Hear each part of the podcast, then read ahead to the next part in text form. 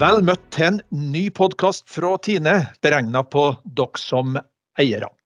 Det skjer mye spennende i Tine for tida. Derfor lager vi nå en podkastserie på tre episoder. Og episode én, som du nå hører på, handler om resultatet i Tine i 2021, og ikke minst hva det gir av etterbetaling. I den andre episoden så ser vi nærere på både muligheter og utfordringer i markedet, mens vi avslutningsvis i episode tre ser på Tines innspill til jordbruksforhandlingene senere i vår. Annet dette med målprisen. Med andre ord, det skjer mye spennende. Navnet mitt er Øystein Syrstad.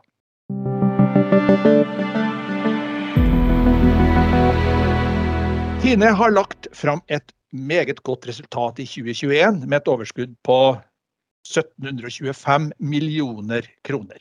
Og styret foreslår ei rekordhøy etterbetaling på 98 øre per liter. Og For å snakke om dette så har jeg invitert tre gjester i denne podkasten.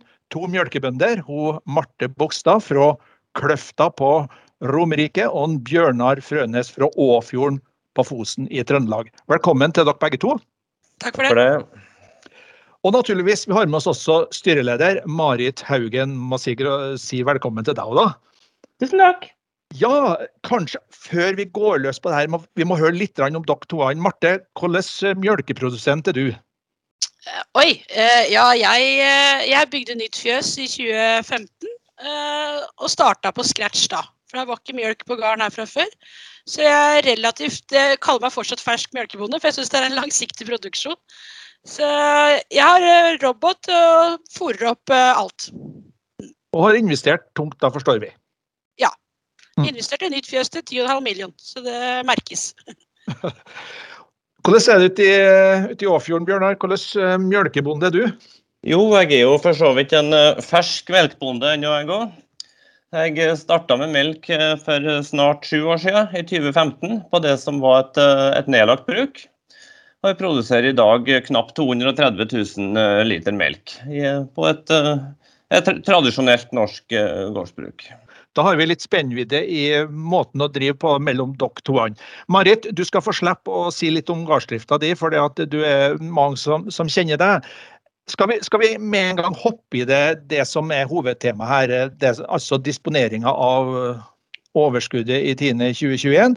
Hvordan vurderer du både resultatet og ikke minst styrets forslag på etterbetaling? Det er et fantastisk godt resultat vi leverer for Tine i 2021. 1725 millioner kroner i driftsoverskudd, det er fantastisk bra. Det er nesten like bra som rekordoverskuddet vi har i 2020. Og når vi ser eh, utviklinga i salget på slutten av året i fjor, og når vi ser de ekstra kostnadene som har vært med oss i fjor, så er dette et meget godt resultat. Og det er jeg veldig glad for. Så gir jo det grunnlag for ei god eh, etterbetaling. Vi har et solid selskap med en god egenkapital, og som har investert godt over lang tid. Eh, men likevel så er vi solid og godt forankra. Det gjør jo at vi har muligheter til å gjøre ei eksepsjonelt høy etterbetaling. Det har vel aldri vært så høyt i Tine. Vi utnytter hele handlingsrommet og betaler ut 75 av overskuddet til etterbetaling. I tillegg tar vi 283 millioner fra etterbetalingsfondet, eh, og òg betaler ut det til eierne. Det er et eh, godt resultat, og det er god etterbetaling. Hva slags vurderinger tok så styret Marit, når dere landa på dette forslaget? Nei, Det var flere vurderinger som var med i styrets diskusjon. Og Den aller viktigste er nok at vi har et solid selskap med en god egenkapital. Vi har investert bra over tid, men likevel et bunnsolid selskap. Sånn at vi har, faktisk har muligheten til å gjøre en sånn utbetaling. Så har vi fått veldig tydelige signal ifra eierorganisasjonen vår. Det er strekk i laget på det viset at det er mange som sliter, mens det er andre som er i en likere situasjon. Men oppsummert at det er en ekstraordinær situasjon ut på gårdene og i landbruket. Og en ekstraordinær situasjon krever ekstraordinære løsninger. Så Det er det som har veid tungt på eh, når styret har gjort eh, de vurderingene som vi har gjort. Vi skal komme tilbake til flere vurderinger her, men eh, Marte, når du hører det som nå er kortversjonen av både disponeringa og etterbetalinga for øvrig, hva er din umiddelbare reaksjon da? Nei, Jeg blir veldig glad for å høre det Marit sier og styret sitt vedtak. For det, det trengs sårt hos mange bønder, og meg sjøl inkludert. Så jeg var veldig glad da jeg hørte at man benytter hele handlingsrommet på 75% For vi trenger uh, penger nå. Og det er, uh, ja, det er et etterslep fra hele høsten nå som har bygd seg opp gjennom, gjennom jula og nå på vinteren. Så det at eh, Tine skjønner situasjonen vi bønder står i, syns jeg er eh, kjempebra. Vi sender ballen over til Fosen og, og Bjørnar. Hva tenker du? Jo, Årsresultatet er jo veldig bra. Det ønsker jeg å gi Tine honnør for. Og De legger seg helt i toppen på eh, det handlingsrommet for etterbetaling som de sjøl har definert. og Det er jo flott, og det vil jeg gi honnør for.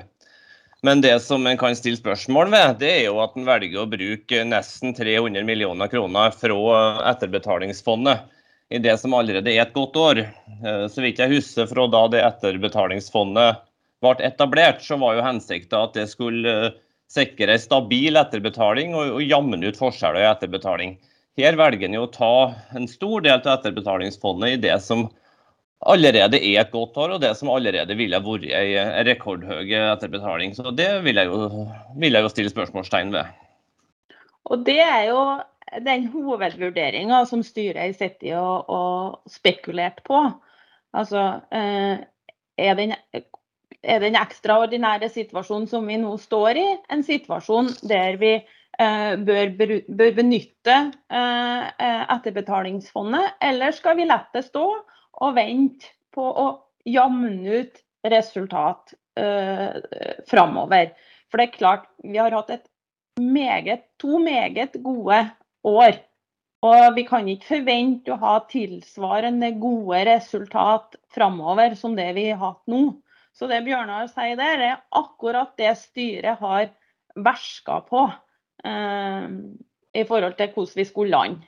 Ja, du har jo helt rett i at vi har en ekstraordinær situasjon når det gjelder kostnadsveksten. Eh, kunstgjødsla som ble levert her om dagen, kosta dobbelt så mye som i fjor for min del. Og strømprisen har eksplodert, iallfall i Sør-Norge. Men eh, spørsmålet er jo hvor ekstraordinær denne situasjonen vil oppleves framover. Om eh, kostnadene vil gå ned igjen, eller om kostnadsnivået har kommet for å bli. Vi vet jo, så du signaliserer jo, eller Tine signaliserer jo allerede nå at 2022 vil bli et eh, dårligere år enn 2021. Eh, Norges Bank har varsla at renta skal opp fire ganger bare i år, så vi har en, en kostnadsvekst der òg. Eh, for min egen del så utgjør det i leien fort 70 000 kroner i året. Så vi, vi vil ha behov for en solid etterbetaling neste år òg. Og det er jo det jeg jeg er redd for at den blir atskillig dårligere da, med det grepet som nå har vært gjort. Ja, vi ser jo allerede nå at uh, salget er lavere uh, i år uh, enn det har vært de to foregående årene. Og I fjor så hadde vi 1,07 som forhåndstall, og i år har vi 0,99. Det, det, viser jo bare at vi er på vei inn i en ny normal som eh, gir, et, eh, gir, mindre salg og dårligere resultat enn det vi har hatt i de to årene. Så du er helt rett i, i det. Men det vi gjør nå da, med å ta etterbetalingsfondet, eh, er at vi gir hver enkelt bonde mulighet til å rå over de pengene sjøl, og husholdere med de eh, pengene, i stedet for at det er Tine som skal sitte og eh, smøre dem utover i årene som kommer. Hva tenker du om det, Marte? Nei, for jeg er jo litt der at det trengs sårt penger inn nå. Og så på en måte eh, framtida er jeg, jeg, føler at det er litt sånn Eller det, det står litt som om eh, for mange melkebønder nå, så er det et skifte. Eller om du skal eller ikke. Og det hjelper ikke på en måte å uh, satse på framtida hvis det ikke er flere melkeprodusenter igjen. For det er veldig mange som slutter om dagen. Og da Jeg tror det er så viktig når tidene går så bra, så føler vi produsenter at uh, vi må også få en del av kaka. Eh, for det, vi, det, hjelper ikke at Tine har en egenkapital på over nesten 50 og, og så skal vi ta risikoen hele veien økonomisk. Da. Så jeg er veldig fornøyd med at vi, det er et ekstraordinært år, som Marit sa. Og det er korona nå, og det er nå vi blør alle sammen. Så, det, så i hvert fall jeg syns de pengene må komme nå, for jeg har ikke noe Jeg har i hvert fall ikke De regningene venter, og jeg tror det er flere som er i samme rom som meg, da. Jeg opplever jo at det er flere gode krefter som trekker i samme retning her. Eh, det starta med tilleggsforhandlingene i, i, fjor høst. Vi har fått en, eh, en, strømkompensasjonsordning på plass. Eh, det forsøker å løftes priser, og etterbetalinga er på en måte en del av dette. Og jeg synes jo det at vi kan gjøre sånne vedtak, det viser jo litt om styrken i et samvirkeselskap. Eh, og at det er vi som eiere eh, som har skoen på og kan, kan prioritere sånn når behovene er der. Når jeg hører på deg, Marit, så får jeg jo en litt følelse av at, at vi er nå i ferd med å kjøre litt sånn berg- og, og dalbane. Nå er vi oppe liksom på toppen, og nå bæres det fort utover igjen.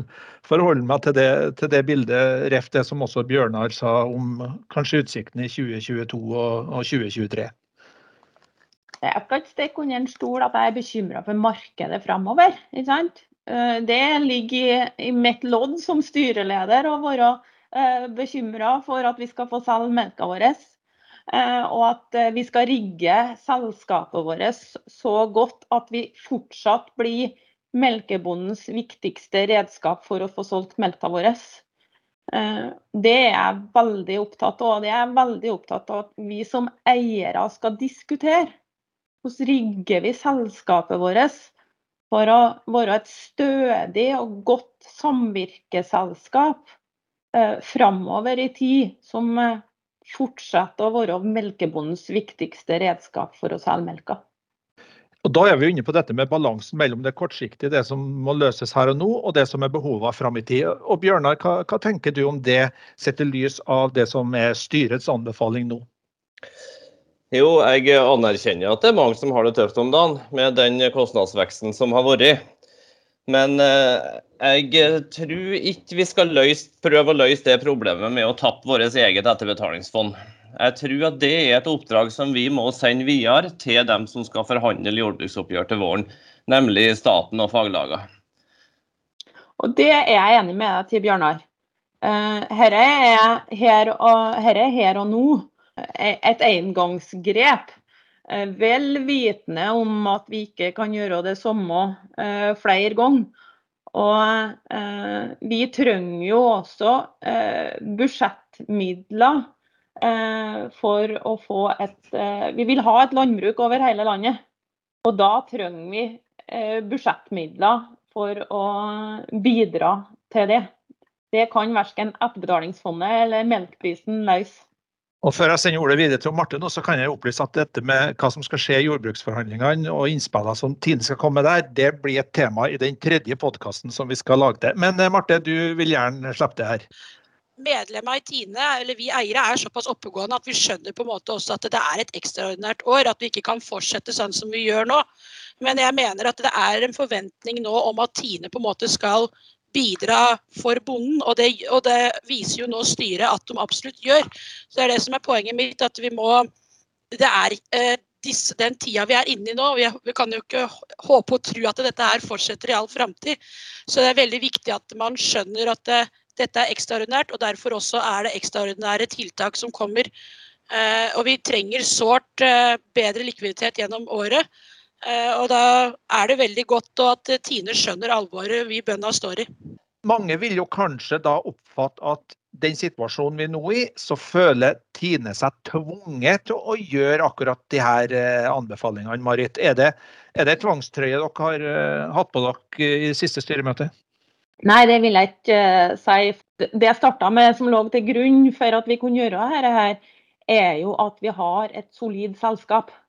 Vi har et solid selskap med, eh, med, med god eh, egenkapital, som har investert mye over de siste årene. Eh, og som over tid har satt av penger på etterbetalingsfondet. Det ligger jo til grunn for at vi i hele tatt kan gjøre det her. Og så har vi eh, lytta til eh, prosentlagsledere til rådet eh, og eierdemokratiet vårt, som har vært veldig tydelig i vinter på at dette her er en ekstraordinær situasjon. Og da har vi prøvd å lete etter de mulighetene som eh, finnes. Vi starta med, med, å ned, foreslå å sette ned omsetningsavgifta. Eh, og dette er på en måte eh, trinn eh, to. Så vi kan, og vi er bedt om å gjøre det, og vi har mulighet til å gjøre det. Og jeg opplever jo at regjeringa har gjennom tilleggsforhandlinger og støtte til, til strøm også ønska å virkelig bidra. Og hvis man leser Hurdalserklæringa og tar det de har sagt der på alvor, så eh, forventer jeg fortsatt et godt eh, jordbruksoppgjør som ikke bare skal dekke eh, kostnader, men også bidra til en inntektsutvikling for eh, næringa. Eh, så Dette er å avhjelpe situasjonen her og nå.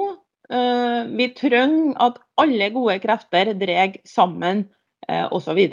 En ting er jo kostnadsveksten, men vi ligger på en måte allerede bakpå inntektsmessig. Så det at, eh, at, eh, vi på en måte begynner å få fokus på at vi skal komme opp på samme, samme nivå som en vanlig andre arbeidsgivere, er jo så jeg forventer jo på en måte at uh, mjølkeprisen skal opp og kjøttpris, at ting må bli bedre.